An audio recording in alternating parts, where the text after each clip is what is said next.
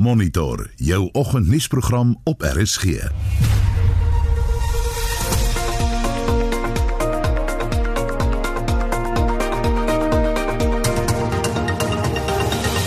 volgens se programme oop 'n brief van die president om dringend die onderbefondsing van skuilings vir mishandelde vroue te hanteer.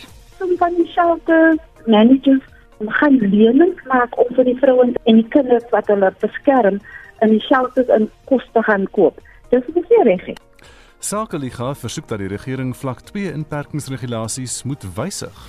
Die Universiteit van Pretoria het 'n kommunikasiehulpmiddel ontwikkel wat gestremde mense sal help om in 'n hof te getuig. En honderde Suid-Afrikaners neem deel aan Oxford Universiteit se finale toetsfase vir 'n COVID-19 enstof. Meer hieroor na 7 volgende. Goeiemôre, ek is Gustaf Greiding. En my naam is Anita Visser. Welkom by Monitor.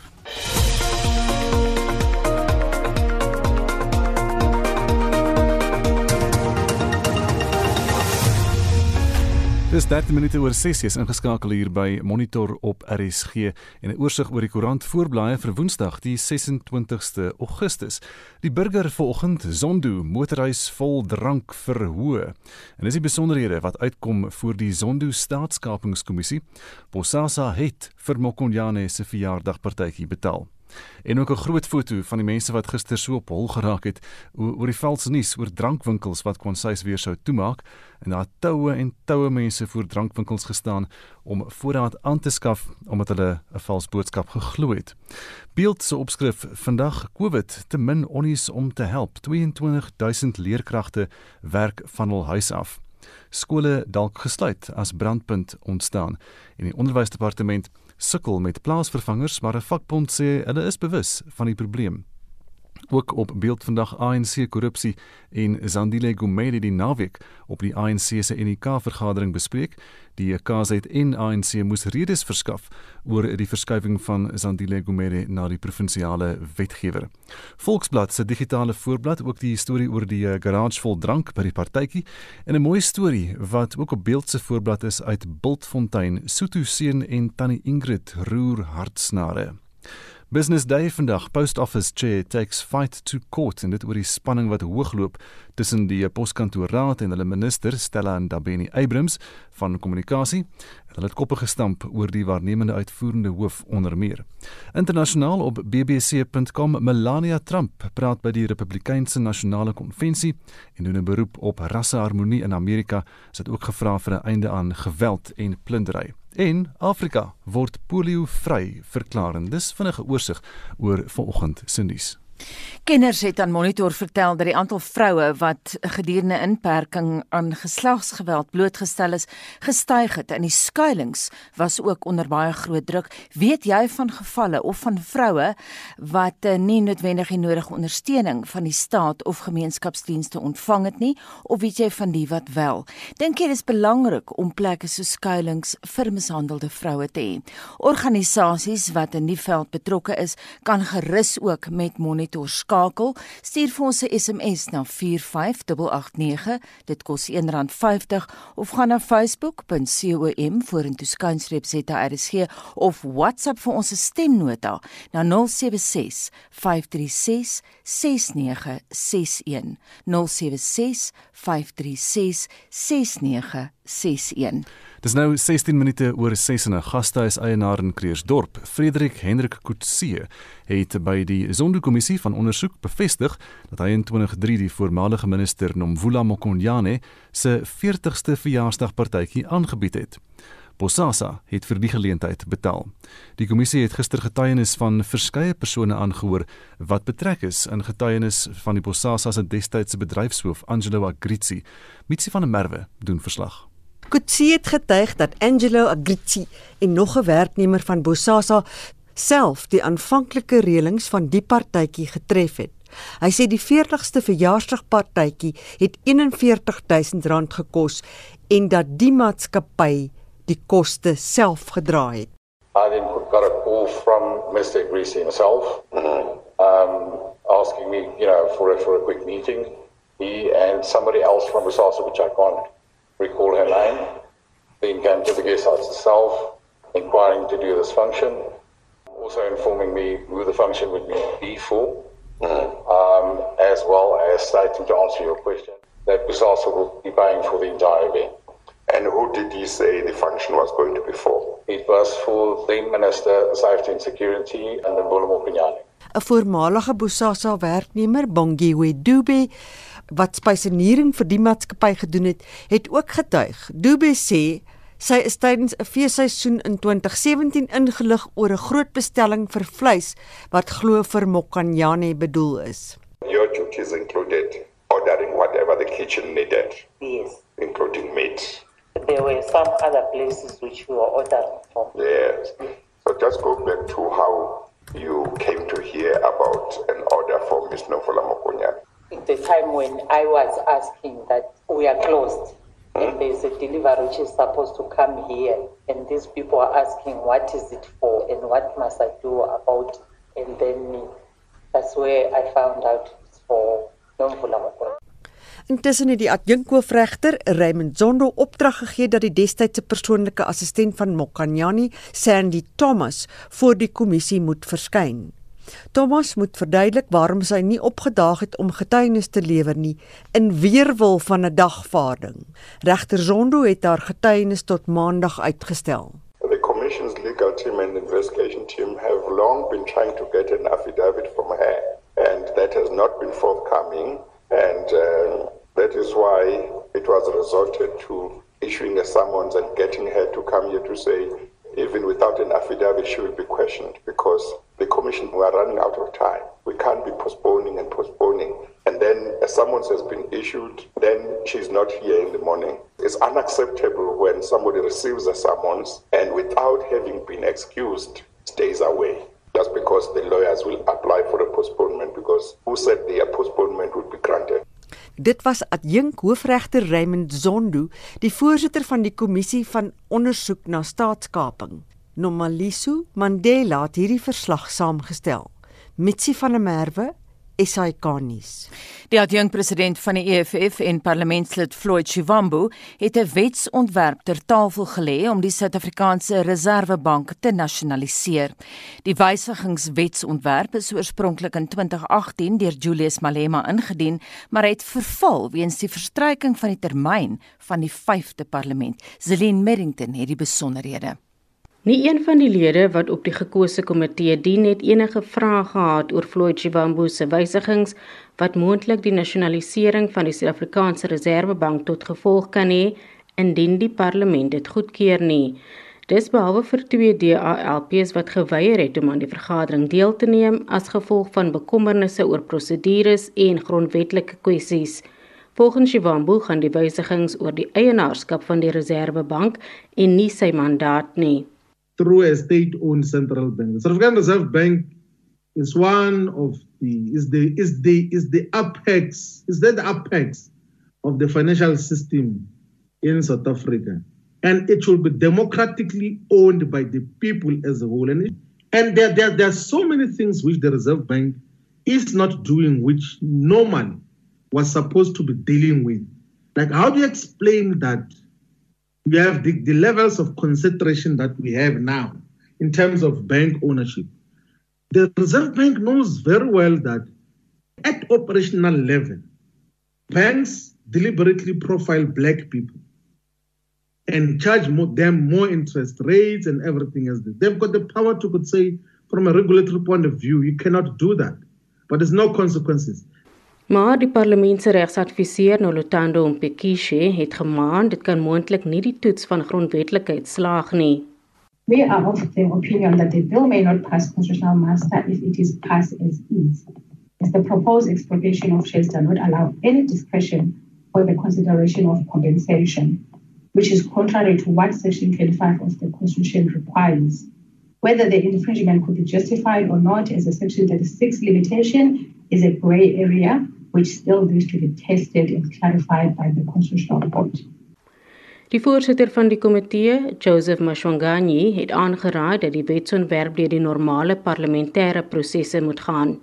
Uh, I think we should go to the next step like we treat any other bill and then uh, get uh, inputs from the public. So let's take it in that manner and then uh, we'll deal with a whole range of other issues as and when uh, they come. Dit was die voorsitter van die Parlement se Komitee oor Finansies, Joseph Mashwangani. Zelin Merrington, Parlement. Die minister van Justisie en Korrektiewe Dienste, Ronald Lamola, het reeds verlede jaar in die parlement die prosedures rakend buitelandse skenkings uitgespel. Dis die reaksie van professor Lukas Minting van die Dulla Omar Instituut van die Universiteit van die Wes-Kaap se regsfakulteit. Hy het gereageer op kommer dat die 10 miljoen rand se skenking van die Duitse regering om 'n klagtestruktuur teen amptenare van die NVG te skep, die instelling se integriteit in gedrang kan bring?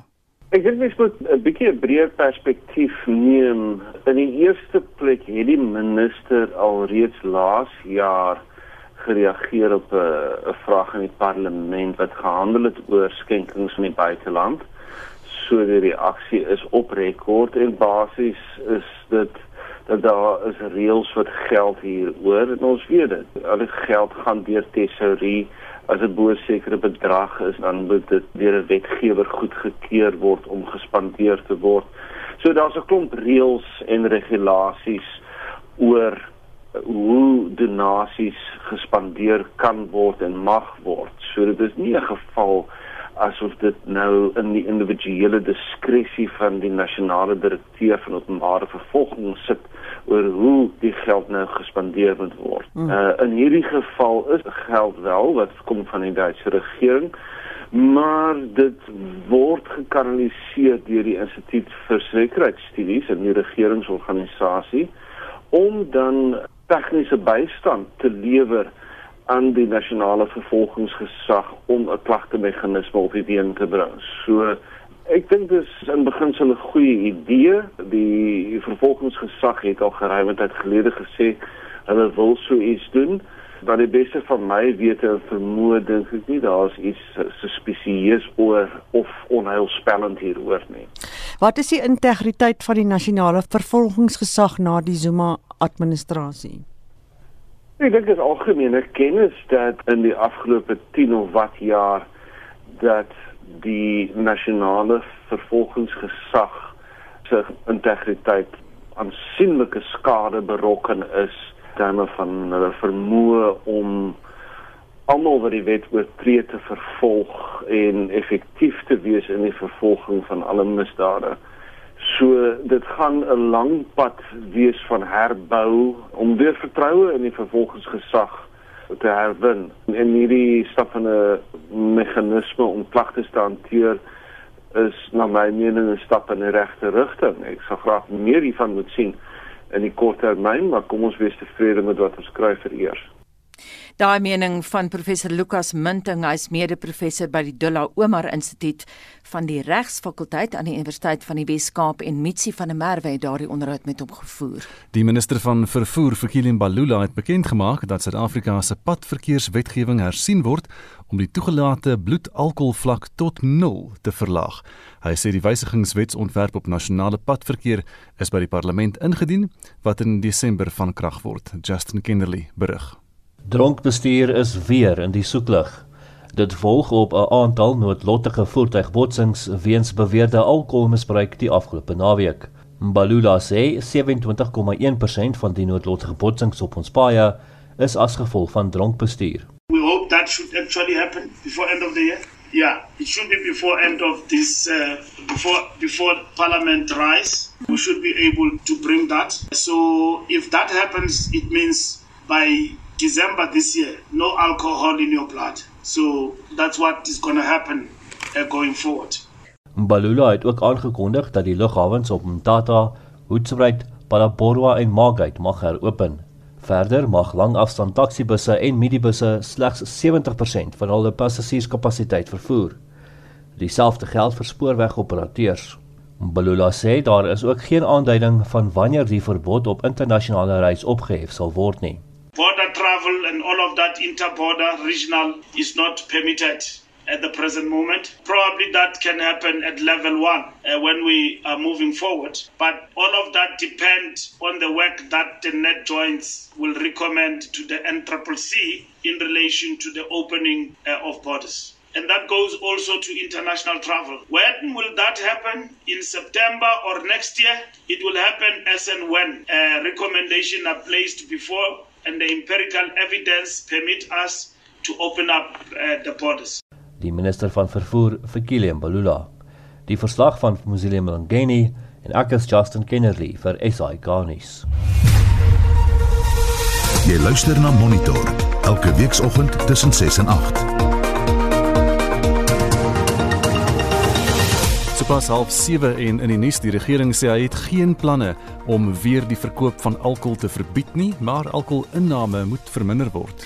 Sake Liga sê die vlak 2 inperkingsregulasies is onredelik en onsamehangend. Die nasionale skuilingsbeweging skryf 'n oop brief aan die president om dringend die onderbefondsing van skuilings vir mishandelde vroue te hanteer. En 4 mense sterf in 'n verbyskietery in Durban bly ingeskakel. Daar is geen verkeer. In die weste van Pretoria by Eskom Patlele Ryland Suid is daar 'n botsing naby van der Hofweg en die verkeer staan dadelik stil daar in die weste van die stad. Dan in Midrand volgend, daar is 'n botsing, 'n ongelukstoneel op die N1 suidwaarts in die rigting uh van die Bekloo wisselaar dan daar die regterbaan. Dit uh, is waar die toneel is en dit is 'n kettingbotsing op die N1 suid net na Allendale, maar die regterbaan is die een wat geraak word daardeur. Ook in Johannesburg 'n voertuig wat staan op die N1 noordwaarts na Beyersnou Deereiland, die linkerbaan is daar versper. En dan in KwaZulu-Natal, 'n vragmotor het sy vrag verloor op die N3 noordwaarts uh, by Nottingham. Verwag vertragings in daardie omgewing. As jy weet van enigiets anders, dan kan jy vir ons 'n SMS aanstuur na 45889 en dit kos R1.50. Justin. Isie Bernardo Maree skryf: "Ekskuus, Ek ken persoonlik vroue wat mishandel is of was. Hulle moet self die besluit neem om uit te beweeg. Mens kan raad gee, dan sê hulle hulle het geen inkomste of wat van die kinders. Sis, as jy daar wil bly tot jy jou doodslaan, is dit jou keuse. My keuse is warm olie in sy oor skryf isie vir ons. William Humart sê ek ken persoonlik vroue wat mishandel was. Hulle moet self die besluit neem om uit te beweeg. Mens kan raad gee, maar geen vrou mag deur dit gaan nie en Alfred Uberge skryf ook op Facebook nee ek is werklik nie bewus van enige sulke gevalle nie. En en ons het al wel eens waaroor dit gesels in ons werksituasie waar ons verskillende rasse is. En dan ook skryf Chris van Kempton is daar 'n skuilings vir mishandelde mans of is dit nie so belangrik nie? Nou ons het al voorheen oor mishandelde mans gepraat en sal weer daaroor praat maar die fokus vandag is op vroue wat mishandel word uh, omdat Augustus ook vroue maand is So jy kan self gesels en vertel ons weet jy van gevalle um waar vrouens uh, um aangerand is en of uh, vrouens die nodige ondersteuning van die staat of gemeenskapsdienste ontvang het. Help jy ook om goedere en klere en so aan aanskuilings te skenk. En organisasies wat in die geval betrokke is, kan ook gerus met ons hieroor skakel. Stuur 'n SMS na 45889. Dit kos R1.50 uh, gesels saam Facebook by facebook.com vorentoe skynstreep ZARSG. En ons gemaak nou 'n draai by sportveld met Shaun Jooste. Ons begin met van gisteraand se tennisuitslae.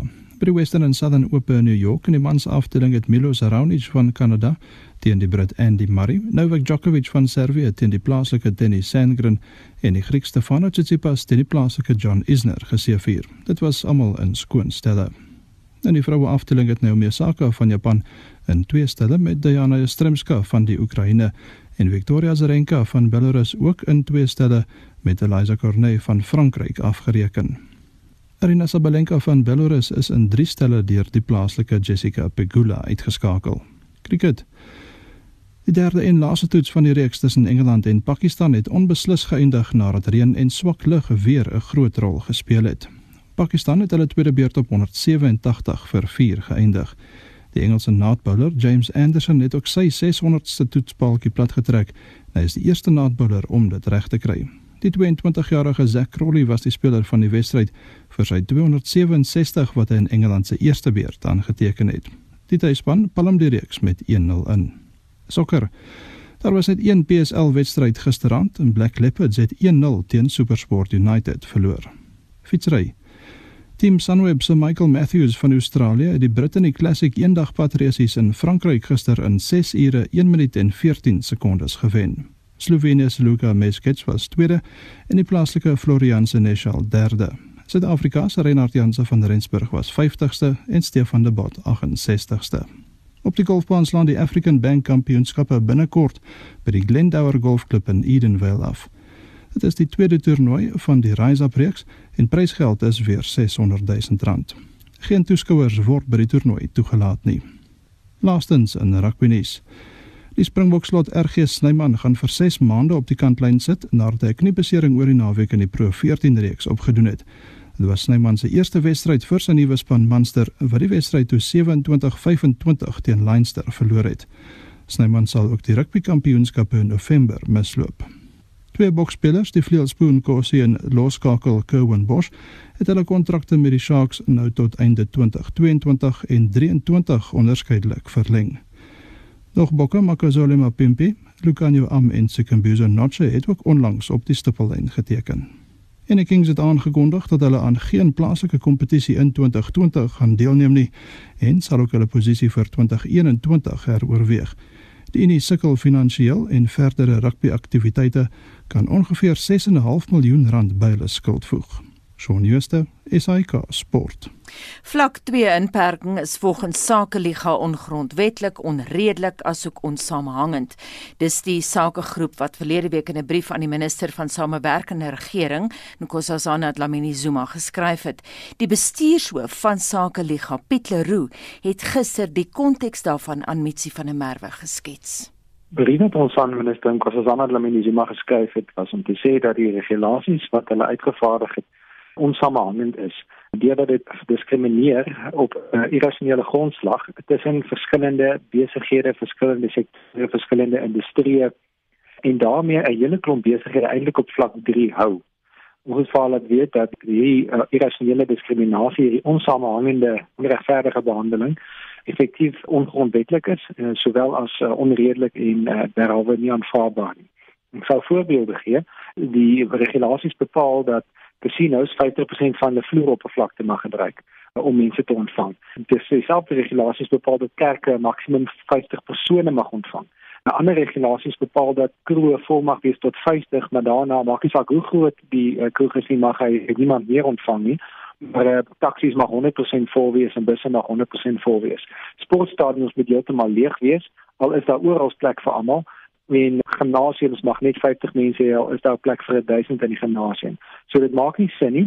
Daar's nie 'n redelikheid daar agter nie. Dit is nie gerig op gesondheid nie. Dit is bloot ministers wat wil probeer beheer uitoefen uh, op 'n irrasionele grondslag en die ekonomie op vlak 3 hou wanneer hulle dit moet oopstel. Wat verwag julle nou van haar?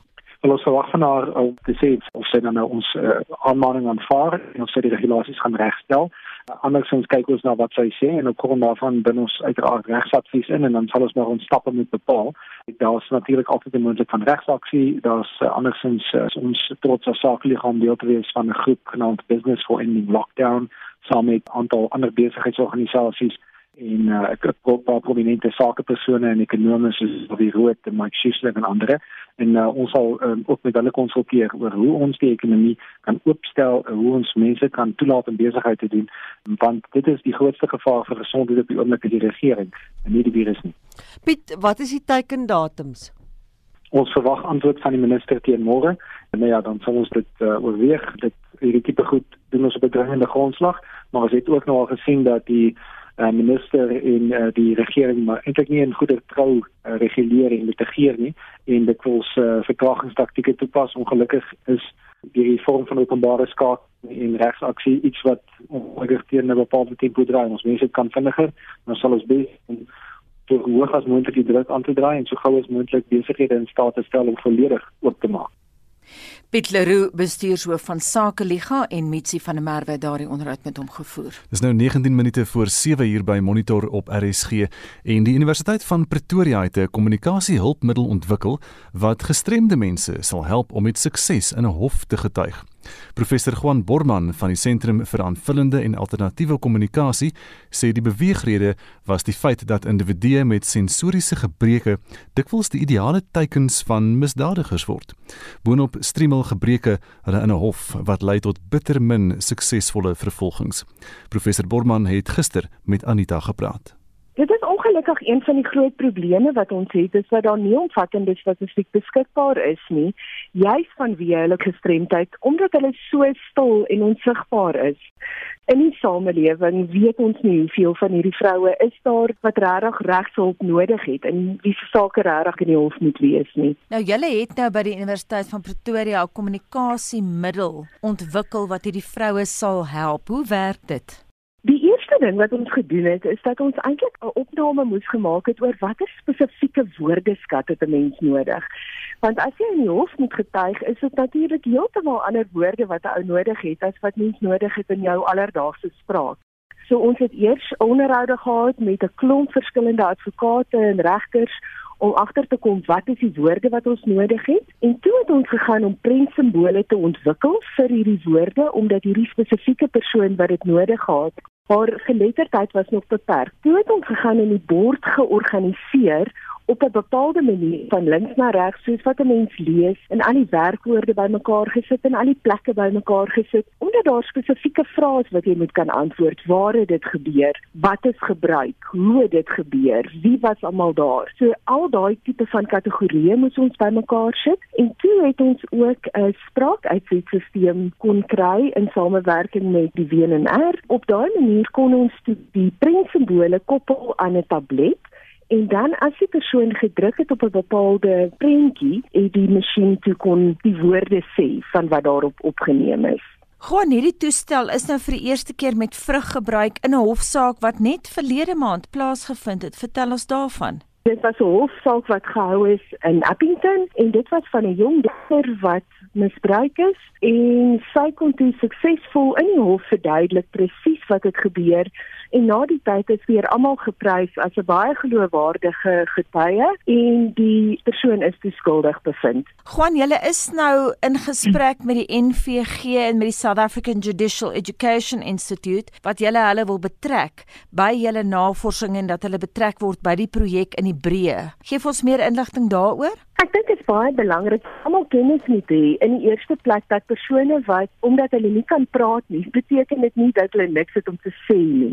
Dit is baie belangrik om almal op te lei in terme van om te verstaan hoe kommunikasie hulpmiddel werk, hoe 'n mens byvoorbeeld jou vrae kan herfraseer sodat dit nog steeds voldoen aan al die vereistes wat 'n ou nodig het in die hof, maar dat 'n persoon met 'n kommunikasiesisteem hierdie vrae kan beantwoord. Ek dink een van die grootste probleme wat ons het, is dat vir 'n baie lang tyd was die gestremde persone in ons samelewing regtig randfigure en dit ons hulle nie geken nie. En ons ken almal die ou Afrikaanse spreekwoord wat sê onbekend is onbemind omdat ons nie geweet het wat hulle behoeftes is en waartoe hulle in staat is en wat hulle alles kon doen nie, het ons hulle net nooit die geleentheid gegee nie.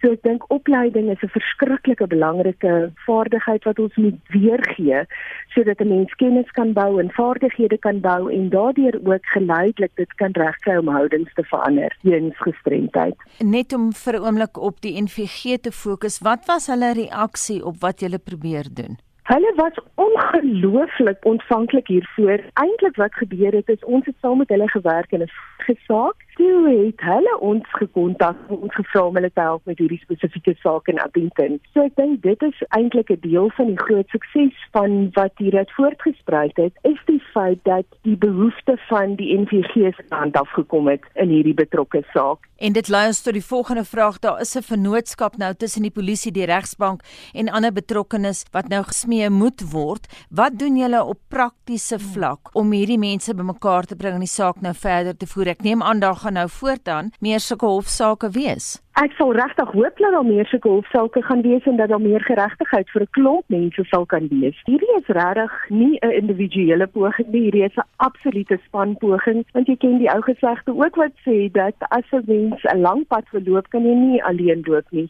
Jy het regtig nodig om saam met mense te loop. Dit is hoekom ons hierdie probleem aangepak het op 'n regtige sistemiese manier. So ons moes die polisiemanne oplei oor hoe om 'n verklaring te neem van iemand wat nie kan kommunikeer nie en wat nie op hulle spraak op hulle stemme kan staat maak om te vertel wat het gebeur nie. Ons moes opleiding doen aan die forensiese ondersoekers om te verstaan hoe om hierdie persone te help. Ons moet mense met gestremdheid help om te kan verstaan wat hulle regte is, dat hulle iemand gaan kan vertel dat daar mense is wat hulle gaan kan glo Ons moet mense in rolstoele help om meer weerbaar te wees want ongelukkig tel die oortreders op dat hierdie mense weerloos is en hulle by daai weerloosheid uit. Ek dink dit is baie belangrik dat ons die kommunikasiesisteme moet oophou na alle kante toe sodat alle betrokke rolspelers met mekaar kan gesels. Ons moet bewus wees, ons moet bedag wees vir wat hier aangaan en as mense mekaar net so kan sien wat die probleme is en dat daar werklik 'n manier is om dit aan te spreek, dink ek ons kan ver vorentoe gaan. Word so iets elders ter wêreld gedoen of is hierdie 'n eerste? Nee, daar's 'n klomp ander lande wat ook voor is, maar ek moet sê ons is van die wêreldleiers. Ons program word ook gebruik in Duitsland en dit word ook op 'n aangepaste manier gebruik in Australië. So by akademiese kongresse het ons die inligting gedeel en hulle kon die program toevat en dit ook aanpas om dit toepaslik te maak vir hulle bepaalde konteks. Professor Juan Borman van die Sentrum vir Aanvullende en Alternatiewe Kommunikasie aan die Universiteit van Pretoria en Anita het daardie onderhoud met haar gevoer. So 7 minute voor 7 en is vir al die mishandelde vroue in die Oos-Kaap wat swaar kry. Dis die mening van die nasionale skuilingsbeweging wat die week 'n oop brief aan president Cyril Ramaphosa in die departement van maatskaplike ontwikkeling gepubliseer het. Die doel is om dringend die onderbefondsing van skuilings vir sulke vroue en swak dienslewering aan die sentrums te hanteer. Die tipe van kommunikasie beskryf die vroue as konstruktiewe dialoog. Mitsi van der Merwe doen verslag. Die bestuurshoof van die nasionale skuilingsbeweging van Suid-Afrika, Zubeda Dangor, sê ons het die president hoor sê in die publiek dat geslagsgebaseerde geweld 'n tweede pandemie is en dat oorlog teen vroue gevoer word.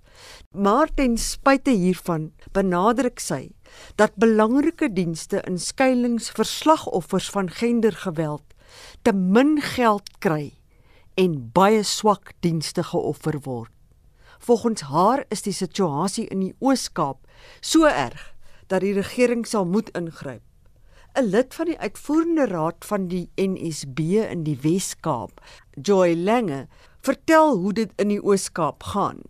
Hulle sukkel nou al vir amper ek dink 6 jaar nou al, waar diegene van die shelters wat nou 'n kontrak het met die departement van maatskaplike werk, social development die finansiële jaar begin in April. En dis nou Augustus en dit beteken dat die nuwe finansiële jaar begin en dan is daar nuwe kontrakte en dan word jy mos betaal as 'n uh, shelter as jy die dienste lewer. Hmm. Maar as by Augustus nou al en dis nou net die eerste jaar, dit gebeur elke jaar, dan het hulle nog nie hulle geld gekry nie. Sommige van die shelter managers gaan lenings maak om vir die vrouens en die kinders wat hulle beskerm in die shelters en kos te gaan koop. Dis nie reg nie. En dan as die geld nou uiteindelik kom soos in Augustus of September, dan kan hulle nie al die kwitansies en die goed wat hulle het, daai geld terugkry nie. Hoekom nie? Want hulle dan dienste gelewer. Hulle sê altyd ons moet keer nog skuilings. En weet jy wat het COVID gedoen? COVID het die gender-based violence intensify hoekom? Want soos in die eerste maand van COVID wat ons in level 5 was toe was ons nou in complete isolation. Gewoonlik as ek nou in 'n relationship is waar my man vir my met handel nie ek praat nou van emotional abuse physical abuse psychological abuse alles financial abuse at least ek het 'n werk gehad dat ek kon escape na toe vir 8 ure En toe in COVID is dit 24/7 in my gesig en dit word geamplifieer deur die kinders wat ook nou nog irritation scores. En dit hoekom die GBV command center so kom oproep gehad het in hy eerste tyd. Lenge voeg by dat die probleem geld is. Die betrokke departement is maatskaplike ontwikkeling. Ons probleem is dat daar dringend 'n intervensie moet gedoen word dis vroue maand, maar vroue word nog altyd geslag en vermoor deur hulle partners. En wat ons ook aan die president geskryf het, is die feit dat shelters kry baie baie min fondse van die regering as jy vergelyk met provinsies soos in die Weskaap. Dit kry R71 per dag om om vir 'n vrou te sorg. Maar Vrystaat of Mpumalanga, dan kry hulle R9. So daar's 'n groot onderskeiding ook wat die regering veroorsaak. As jy kyk na die land se konstitusie, almal het die reg vir veiligheid en beskerming. Maar hoekom word daar 'n onderskeiding gemaak hangend af in watter provinsie jy jouself bevind? En dan net geheel al die swak dienste lewering aan die pad van die departement. Want dit veroorsaak dat daar nie kwaliteit dienste gelewer kan word. Dit veroorsaak ook dat shelters soms as die geld nou nie inkom nie, dan kan hulle nie vir almal help want waar moet hulle kos kry en hierdie so goed vir almal met COVID en ook die PPE wat hulle moet hê en so aan. Vir al die oorskrap dis wat ons nou regtig waar 'n groot probleem mee het. Dan dis hierdie eerste jaar nie dit gebeur elke jaar nou al. En dan die crime and asset recovery account.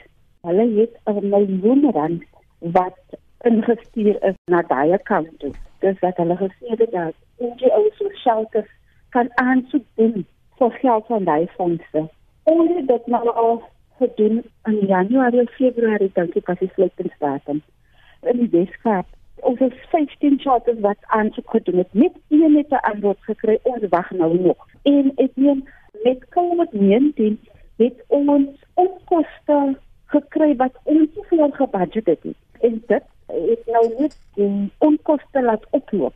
En dit is 'n groot probleem wat ons ook aan die president voorgeskryf het wat hulle asseblief dringend na moet kyk. En dan sê ek die intergovernmental intersectoral approach wat die president asseblief ook na moet kyk. Want daar is departemente wat hulle gesleep as dit kom by dienste lewer en sien dat die fondse op tyd uitgaan en so aan. En dit impak die persoon wat dienste soek. En dis altyd meeste van die tyd die persoon in ons community.